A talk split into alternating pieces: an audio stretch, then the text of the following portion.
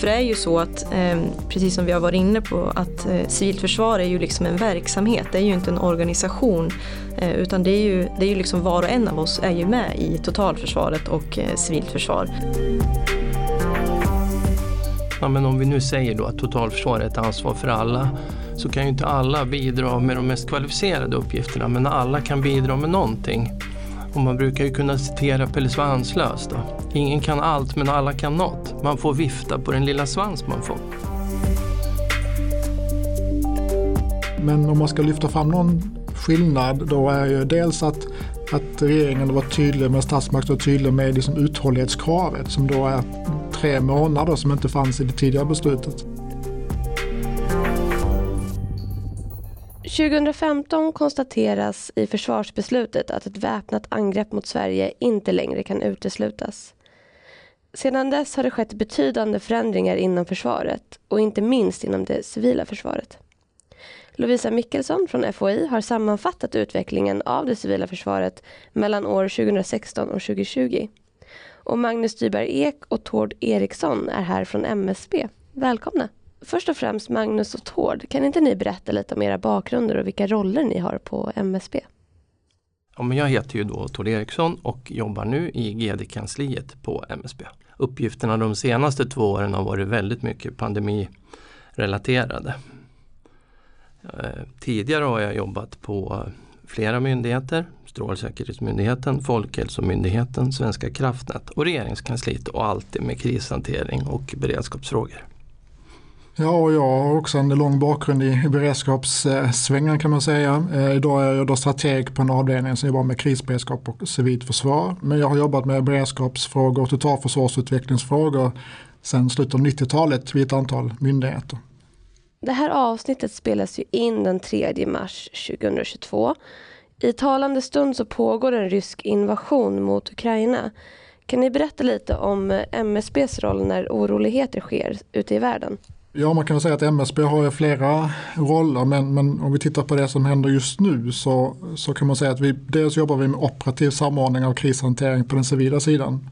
Vi ger också stöd till andra aktörer inom utveckling av civilt försvar och deras förmåga att hantera svåra samhällsstörningar här och nu. Vi ger stöd också inom områden som rör informations och cybersäkerhet. Sen har vi också ett, ett ansvar för Eh, frågor som har räddningstjänst och befolkningsskydd inom den sektorn kan man säga och utveckla frågor där. Men här och nu gör vi också så, ja men vi anpassar vår egen planering och vi anpassar utifrån det läget som är här och nu och, och eh, det handlar om liksom många saker men vi gör ju också eh, stöd till, till Ukraina på olika sätt där de har begärt stöd via EU-systemet och sådär. Exempelvis har vi ju på väg att skicka eller skickat eh, en skogsbrandsdepå eh, som Ukraina har begärt stöd med. Idag ska vi prata om civilt försvar och jag tänker att vi ska börja angripa ämnet på en ganska basal nivå genom att prata om skillnaden mellan det militära försvaret och det civila försvaret. Vad är skillnaden och varför gör man den här åtskillnaden? Alltså begreppet totalförsvar har vi haft sedan liksom andra världskriget och därefter under kalla kriget. Och det byggde egentligen på erfarenheterna från, från krigen att det totala kriget behövde någon form av totalt försvar. Där det då kriget drabbade hela samhället och man behövde förbereda inte bara det militära utan också det civila, civila delen av samhället. Och eh, under efterkrigstiden så brukar man prata om totalförsvar bestående av lite olika stora här, komponenter. Det militära försvaret men det fanns också det psykologiska försvaret, det ekonomiska försvaret och civilförsvaret. Och eh, sen pratar man också om det övriga totalförsvaret. Men på 80-talet så ändrade man systemet så att det istället blev det vi kallar för funktioner. Eh, ett antal viktiga samhällsfunktioner. Och då fick vi också den där myndigheten Överstyrelsen för civil beredskap som, eh, som hade ett särskilt samordningsansvar för, för hela det civila försvaret. Och den strukturen fanns ju fram till 2002 när vi gick över i ett mer krisberedskapsperspektiv. Civilt försvar är ju en verksamhet som i fred handlar om att planera och förbereda ja. och finns ju som en operativ verksamhet bara när regeringen har höjt beredskapen. Mm. Så om det inträffar saker här och nu i, i en form av säkerhetspolitisk kris så hanteras det inom ramen för krisberedskapen. Mm. Men det finns den här frågan om när, när, när slår de till då att bli höjd beredskap och hur hanterar man det? Det som är fördelen med vårt system det är ju att det är samma aktörer. Det är bara det att man, man, man använder olika typer av verktyg i verktygslådan. Ja. Så det är den stora skillnaden. Men det är helt klart så att den situation vi har idag där behöver vi kunna hantera eh, händelser, hot och risker från fredstida kriser hela vägen upp till höjd beredskap och, och, och krigsfara och krig på det ytterst då i så fall. Och jag har hört att eh, det är fel att säga civilförsvar jämfört med civilt försvar, stämmer det? En gång i tiden var eh, den här verksamheten en, en organisation och jag har ju exempelvis då under min karriär i räddningstjänsten varit fältchef då inom eh, civilförsvaret, organisationen som man byggde upp då. Och just då när vi gjorde det, då flyttade man ansvaret från staten till kommunerna. Senare så monterade man ner även den förflyttningen. Då. Men eh, varför det är fel är ju möjligtvis så att det ena är en verksamhet. En verksamhet som ska finnas i alla organisationer. Och det förstnämnda var då en organisation. Sen tror jag att i vissa avseenden så kanske man kan läsa mellan raderna i en del rapporter och så att det finns en viss längtan efter att ändå ha någon typ av organisation från statens sida att sätta in när eh, riktigt, eh, vad ska man säga, problematiska saker händer för att kunna stötta kommuner, regioner och den enskilde. Och det kan man också kommentera att det finns faktiskt en, en statlig utredning som jobbar just nu som ska vara klar i november som tittar på just skyddet av civilbefolkningen under höjd beredskap. Eh, så vi får väl se vad de kommer fram till i den utredningen. Vi ska bygga ett, ett, ett, totalförsvar, vi bygger ett totalförsvar. Och den eh, bilden som vi har att bygga den mot både våra eget, hur vårt eget samhälle fungerar och hotbilderna är än mer komplexa än vad de var förra gången vi hade ett fullt utbyggt totalförsvar. Och det man kan säga då det är ju att eh, vi måste ligga ännu närmare varandra när det gäller det militära försvaret och det civila försvaret.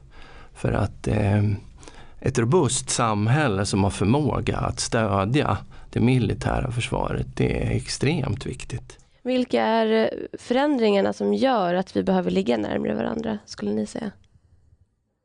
Dels har väl Försvarsmakten eh, delvis eh, förändrats, blivit så att säga mer stridande. De här underhållande komponenterna är färre. Men sen har vi också ett samhälle som vi har utvecklat. Så det är extremt effektivt men det är också relativt sårbart. Vi behöver ju ha de här funktionerna elförsörjning, telekommunikationer, transport transporter, drivmedel för att vi ska ha ett rationellt och fungerande samhälle. Jag tror också att Försvarsmakten till del är beroende av att de här systemen fungerar och går. Och där kan man lägga till också att eh, som två andra komponenter som är nya det är ju liksom vårt beroende av, av internet. Liksom. IT och internet som inte fanns för 30-40 år på samma sätt alls. Och den andra skulle ju vara just beroendet av, av eller samarbetet med andra. Alltså, det, vi har ju värdlandsstödsavtal och annat med, med NATO och andra, andra. Vi samarbetar väldigt nära andra länder. Så det är också en, liksom en ny komponent i, i sammanhanget som måste beaktas när man bygger upp det nya civila försvaret.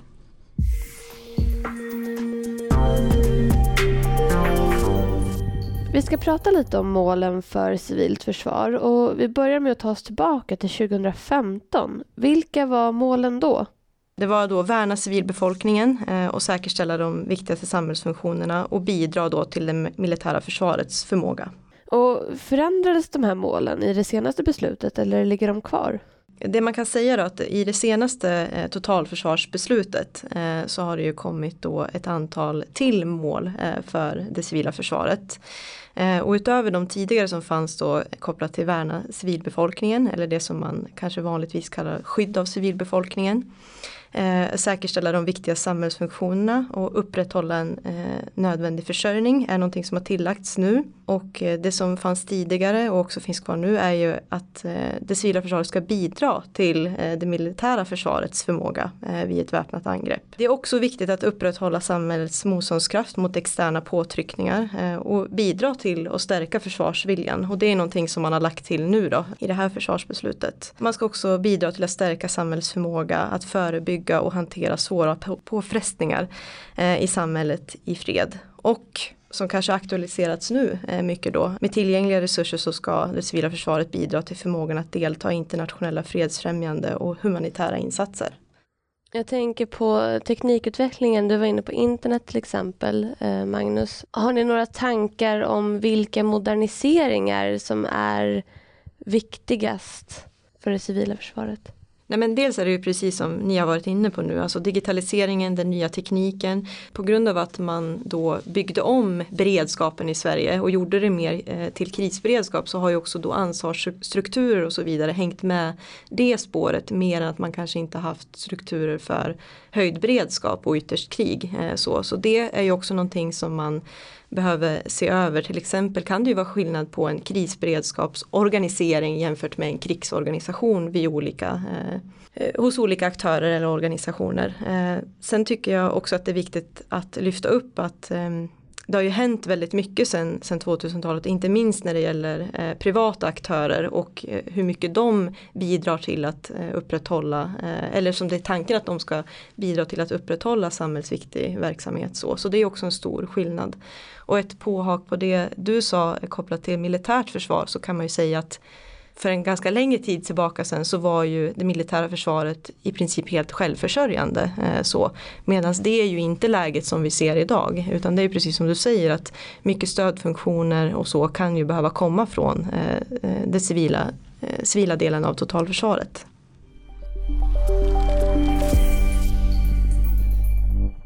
Det låter som att det är en väldigt stor återuppbyggnad som behöver ske på grund av att så mycket lades ner för 20 år sedan. Hur inleder man en så stor återuppbyggnad?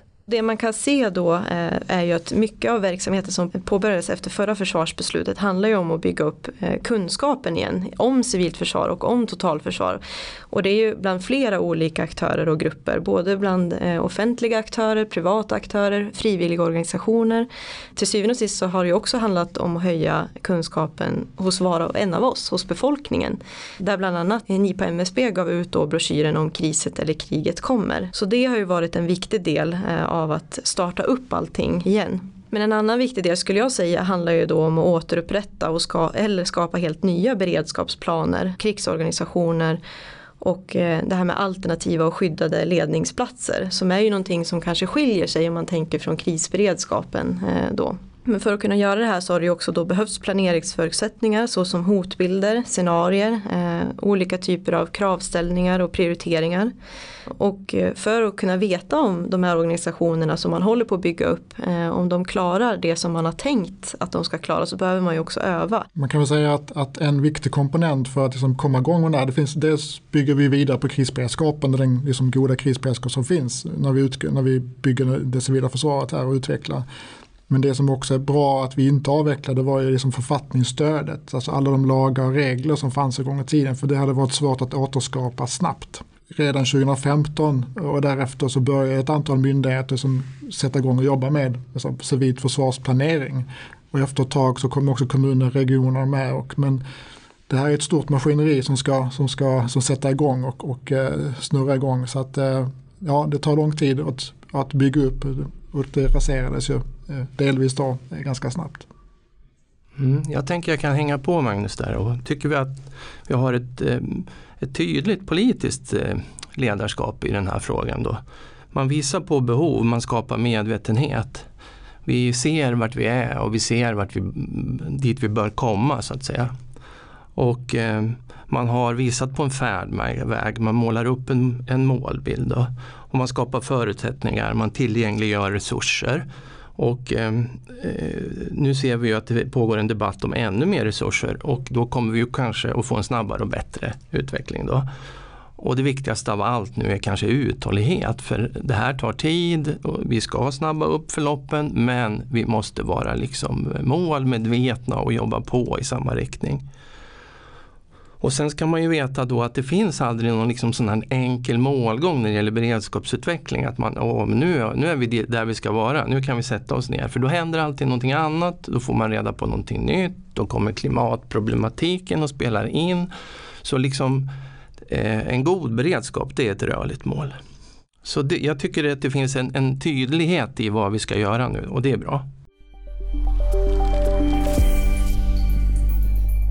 Jag pratar lite om att det tar tid att eh, återuppbygga. Eh, samtidigt så finns det ju en helt ny sense of urgency i talande stund i och med den ryska invasionen.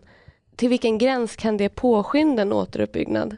Ja, men jag tänker ett, ett lysande exempel om man tittar på pandemin är ju eh, hur, hur viktigt alla förstod att det var med försörjningsberedskapen och att det är viktigt att vi kommer igång med den eh, snabbt igen. Eh, så. Det tycker jag är ett, ett bra exempel på det. Eh. Jag tycker också att man från pandemin kan hitta den här stora flexibiliteten och förmågan till omställning.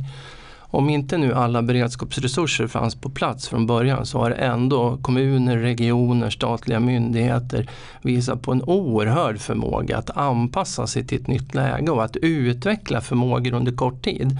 Och den inneboende kapaciteten att snabbt ställa om, att snabbt bygga upp, den kan vi nyttja nu också. Jag tänker också att inte bara de liksom statliga eller offentliga aktörerna eh, utan framförallt företagen just ställde om, hade en liksom väldigt stor flexibilitet i att börja producera andra saker eller att hitta nya möjligheter och stödja i, i de behov som dök upp under pandemin. Och den, den flexibiliteten kan vi dra nytta av i, vilka, i andra typer av kriser också, även i det vi befinner oss mitt uppe i nu om man, om man tittar till omvärldsläget nu, eh, som jag till viss del även började under pandemin, det är ju då kopplat till det här med hemberedskap. För det är ju så att civilt försvar är ju liksom en verksamhet, det är ju inte en organisation. Eh, utan det är ju, det är ju liksom var och en av oss är ju med i totalförsvaret och eh, civilt försvar.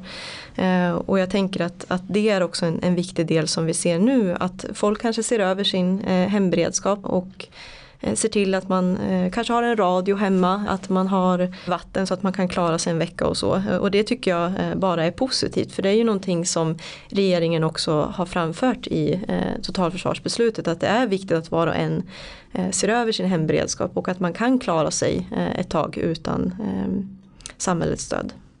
Ja men det är ju lite komplicerat det här med att bo i Stockholm och hur ska jag bunkra när jag bor på 20 kvadratmeter eller det är inte helt lätt. Kan man liksom hjälpas åt på något bra sätt? Eller? Nej, men jag tycker det är viktigt att man, att man tänker liksom så här, ja men hur mycket behöver jag egentligen för att klara mig kanske en, två veckor eh, så och eh, handlar eller gör inköp därefter.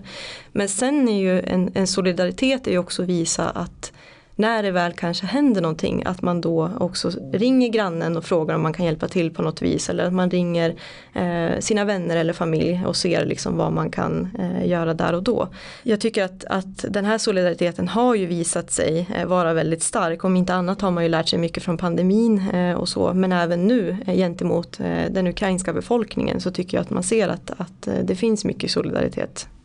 Ja, men det, man kan väl reflektera utifrån ett eh, ett, ett liv då, först inom räddningstjänsten där att eh, Alltså, även i det lilla så är folk eh, oerhört eh, medkännande och hjälper till och tar initiativ. Och, så det är inte så att man är hjälplös på något sätt. och jag tror att det skulle finnas en stor solidaritet och en stor vilja att utifrån sin egen förmåga hjälpa till på olika sätt och vis. Om och när någonting händer. Ja, och det är ju viktigt att den här hemberedskapen kanske byggs upp över tiden så att man inte börjar liksom bunkra eller hamstra. För det, det, det, är ingen som vinner på det här och nu utan att, att man liksom har en viss hemberedskap är jättebra och att man liksom tillsammans med sina grannar, liksom, har, inte, har inte en granne en viss sak då kanske man kan hjälpas åt. Och så, här. så att just göra det här tillsammans solidariskt är jätteviktigt. Och just det att varje individ behöver kanske inte en egen radio. Nej. Men kanske en radio på varje våningsplan i ens byggnad. Ja. Eh, eller något liknande. Ja, men om vi nu säger då att totalförsvar är ett ansvar för alla så kan ju inte alla bidra med de mest kvalificerade uppgifterna men alla kan bidra med någonting. Och man brukar ju kunna citera Pelle Svanslös då. Ingen kan allt men alla kan något. Man får vifta på den lilla svans man fått. Och, och för några så kanske är egen beredskap så att man inte belastar grannar och det offentliga är det bidraget man kan ge. Och då är det oerhört viktigt. En robust befolkning är en bra utgångspunkt för att stå emot kriser och krig. Vi har ju pratat mycket om att saker har lagts ner. Men det betyder väl inte nödvändigtvis att det behöver återuppbyggas för det, det har ju hänt väldigt mycket med samhället de senaste 20 åren. Hur ska vi liksom tänka framöver med återuppbyggnad? Det är inte bara att återskapa det som har varit. Nej, vi har ju ett, eh, vi har ju ett, ett samhälle som rör sig så att säga framåt då hela tiden. Så det är mycket av förutsättningarna för den här verksamheten som har förändrats. Men jag tycker ändå det är ett bra liksom, tankesätt det här att om man inte ser bakåt och inte ser framåt så får man se upp. Så vi måste ta stöd av det vi har gjort. Men vi måste också anpassa oss till de samhällsförändringarna som vi har haft. Och eh, jag tänker att det finns ett antal sådana här, vad ska man säga, man skulle kunna sätta ord mot varandra. Som att eh, robust mot effektivt. Den måste vi balansera. Vi måste balansera statlig och privat på ett annat sätt. Vi måste balansera analog och digital på ett helt annat sätt än tidigare. Och vi måste balansera nationellt och internationellt på ett annat sätt än tidigare. All, och så finns det säkert tio sådana såna liksom, ja, våg frågor till som vi behöver ta med i den här utvecklingen. Så att bygga då ett, ett modernt totalförsvar det kräver en anpassning till, eh, till tiden.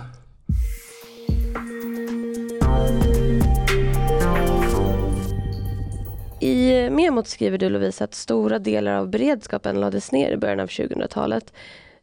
Kan du specificera lite, vad var det som lagts ner och som nu behöver återuppbyggas?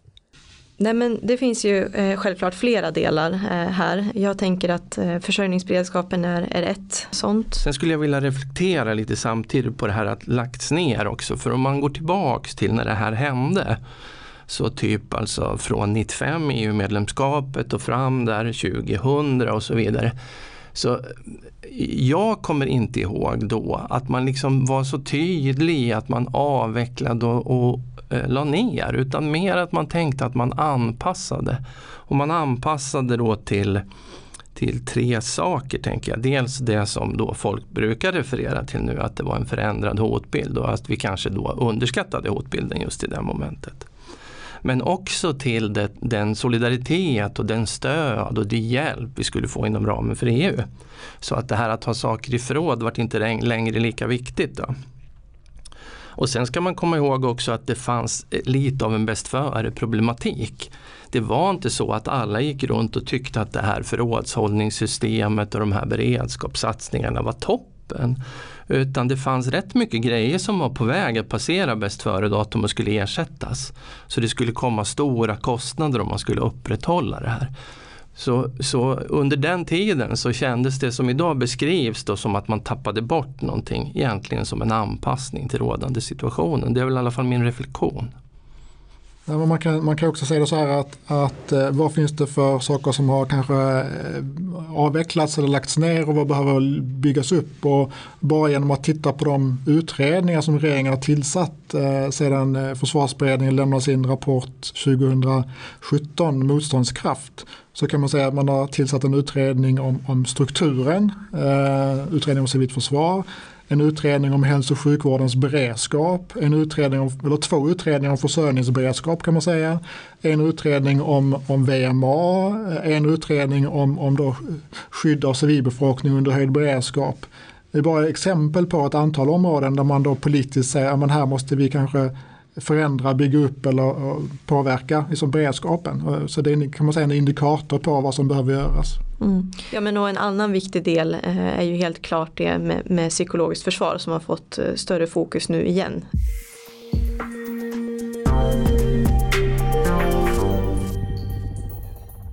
Det har kommit ett nytt inriktningsbeslut för perioden 2021 till 2025. Hur skulle ni säga att det skiljer sig från eh, föregående inriktningsbeslut? Alltså egentligen så är det ju egentligen samma inriktning i stort. Huvudinriktningen är klar men, men om man ska lyfta fram någon skillnad då är ju dels att, att regeringen var tydlig med statsmakten och tydlig med liksom uthållighetskravet som då är tre månader som inte fanns i det tidigare beslutet. Sen tänker jag också att det är tydligare när det gäller eh, vårt samarbete med andra på, på civil sida, inte minst inom med, med NATO, Finland och, och våra nordiska grannar som också blivit tydligare i propositionen. Och det tredje är väl att man också i propositionen har pekat ut vilka viktiga så samhällssektorer behöver man jobba särskilt med beredskapen. Och det fanns inte heller i den, i den eh, förra försvarsinriktningen. Vilka är det? Vilka samhällssektorer? Jo, men i det här försvarsbeslutet då så har man valt att dela in det i åtta särskilda områden. Eh, och då är det ordning och säkerhet, skydd av civilbefolkningen, hälso och sjukvård, livsmedel och dricksvatten, finansiell beredskap, transporter, energiförsörjning samt elektroniska kommunika kommunikationer och post. Jag tittade lite på det här innan också och man kan säga också att beslutet i sig eh, är mycket mer omfattande. Det är ungefär 20 sidor längre än det beslutet som man fattade 2015 som gällde då civilt försvar. Eh, om man också tittar på finanserna som är knutna till, eh, till beslutet så är ju, är ju de en historisk höjning. Även om det finns signaler på att man kanske kommer att höja det nu ytterligare då med tanke på omvärldsläget. Men det tycker jag är en bra point, alltså att man förutom att man så att säga ut uttalar en önskad eh, riktning så matchar man det med innehåll i budgetpropositionen. Så att man tillför ju väldigt många aktörer, myndigheter, eh, nya medel. Och sen en av de viktigaste delarna eh, som har följt på det här försvarsbeslutet är ju då planeringsanvisningarna och uppdraget till ansvariga myndigheter att bedöma sin egen förmåga inom civilt försvar och senare då uppdraget till MSB om att bedöma den samlade förmågan inom civilt försvar. Och det här är ju jätteviktigt eftersom att det här kommer ju i framtiden då stödja eh, ett bättre beslutsfattande och i förlängningen Ja men att det blir rätt typ av åtgärder som får finansiering eh, och att det blir eh, prioritet till eh, i relation till den hotbild som vi kommer att se här och nu men även som vi kommer att se eh, framåt. För precis som vi har varit inne lite grann på, beredskap är ju dyrt eh, och det kommer ju inte finnas en värld där vi har tänkt på allt och där vi har satt upp åtgärder för allting. Men när vi nu ökar beredskapen så kommer vi också eh, behöva bli bättre på att ta optimerade beslut kopplat till det. Så jag tycker att det är en en, en, eh, en viktig del som följde på det här försvarsbeslutet. Att eh, bedöma då den samlade förmågan inom civilt försvar. Ni som är kunniga på området, om ni skulle få makten att prioritera, vad tycker ni man skulle prioritera inom civilt försvar? Alltså MSB och Försvarsmakten har ju fått ett sånt här uppdrag att liksom tala om vad som är viktigast. Och det rapporterade vi och svarade vi på till, till regeringen här i september förra året. Eh, och det eh, finns i en, i en, handlingsplan som heter Handlingskraft. Och där eh, beskriver det MSB och Försvarsmakten sex områden som vi bedömer är det viktigaste att nu jobba med. Och vi kallar det för fokusområden. Och det är liksom dels beredskapsplaner och krigsorganisation. Det handlar om ledning och samverkan, försörjningsberedskap, att ge och ta emot civilt och militärt stöd, försvarsvilja och stärkt informations och cybersäkerhet. Så det är åtminstone sex eh, om fokusområden som, som generellt aktörerna behöver jobba med de kommande åren.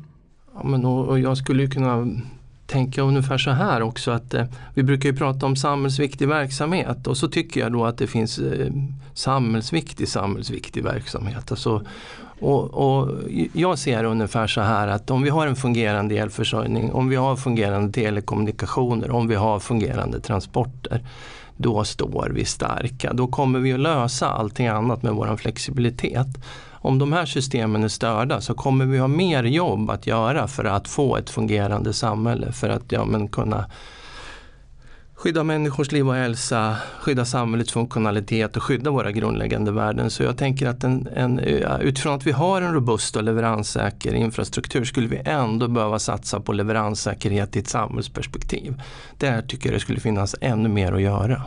Ja och sen, jag håller ju med i det ni, det ni har sagt. Eh, alltså, Ska göra ett tillägg bara, att jag tycker att det är jätteviktigt också att titta på eh, kommunernas roll eh, i, inom civilförsvar och särskilt nu liksom kopplat till kanske eh, det här med värna civilbefolkningen eh, och så vidare och upprätthållande av kanske den samhällsviktiga verksamheten som vi möter dagligdags som äldreomsorg, barnomsorg eh, och skola och så vidare. Och jag tror att ja, men dels att det behöver prioriteras men också att det behöver kanske bli tydligare kravställningar eh, framöver. Så.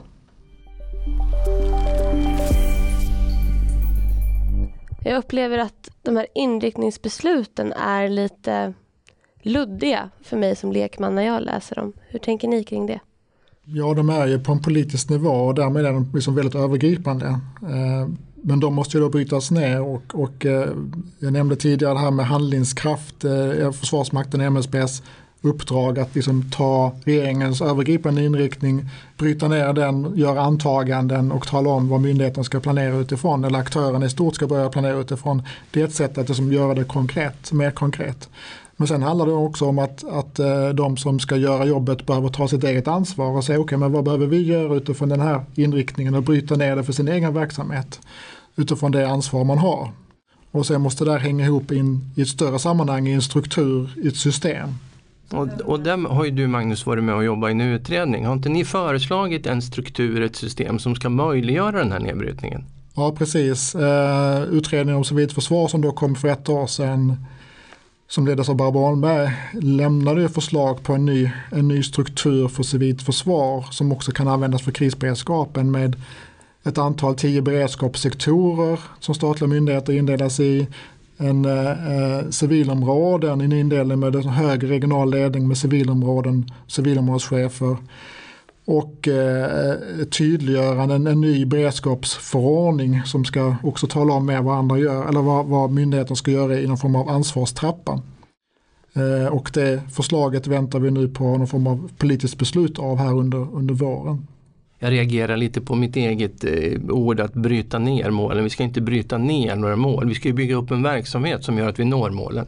Men då kanske man måste fundera på hur vi når den här politiska andemeningen i, i, i det praktiska konkreta arbetet. Jag blir lite mer nyfiken på den här utredningen. Vad tycker ni andra är särskilt viktigt att belysa från den som kom för ett år sedan? Eh, det finns eh, flera jätteviktiga eh, delar i den, i den utredningen. Jag tycker väl att delarna som handlar om den regionala nivån då kopplat till länsstyrelserna och så. Vi vet ju inte vad som kommer att beslutas men att det behövs en, en ny struktur där och en ny liksom ansvarsstruktur. Det tror jag är, är jätteviktigt. Också för samarbetsytan då i, i totalförsvaret mot det militära försvaret. Så. Tord, har du något du vill tillägga? Alltså jag, satt, eh, jag satt lite och funderade på, på, den, på din fråga nu och så, och så tänker jag så här att det som känns viktigt och angeläget, det har vi varit inne lite på förut också, det är ju de organisationer som finns närmast våra medborgare, som finns närmast eh, ja, människorna. Det är ju kommuner och regioner. Mm.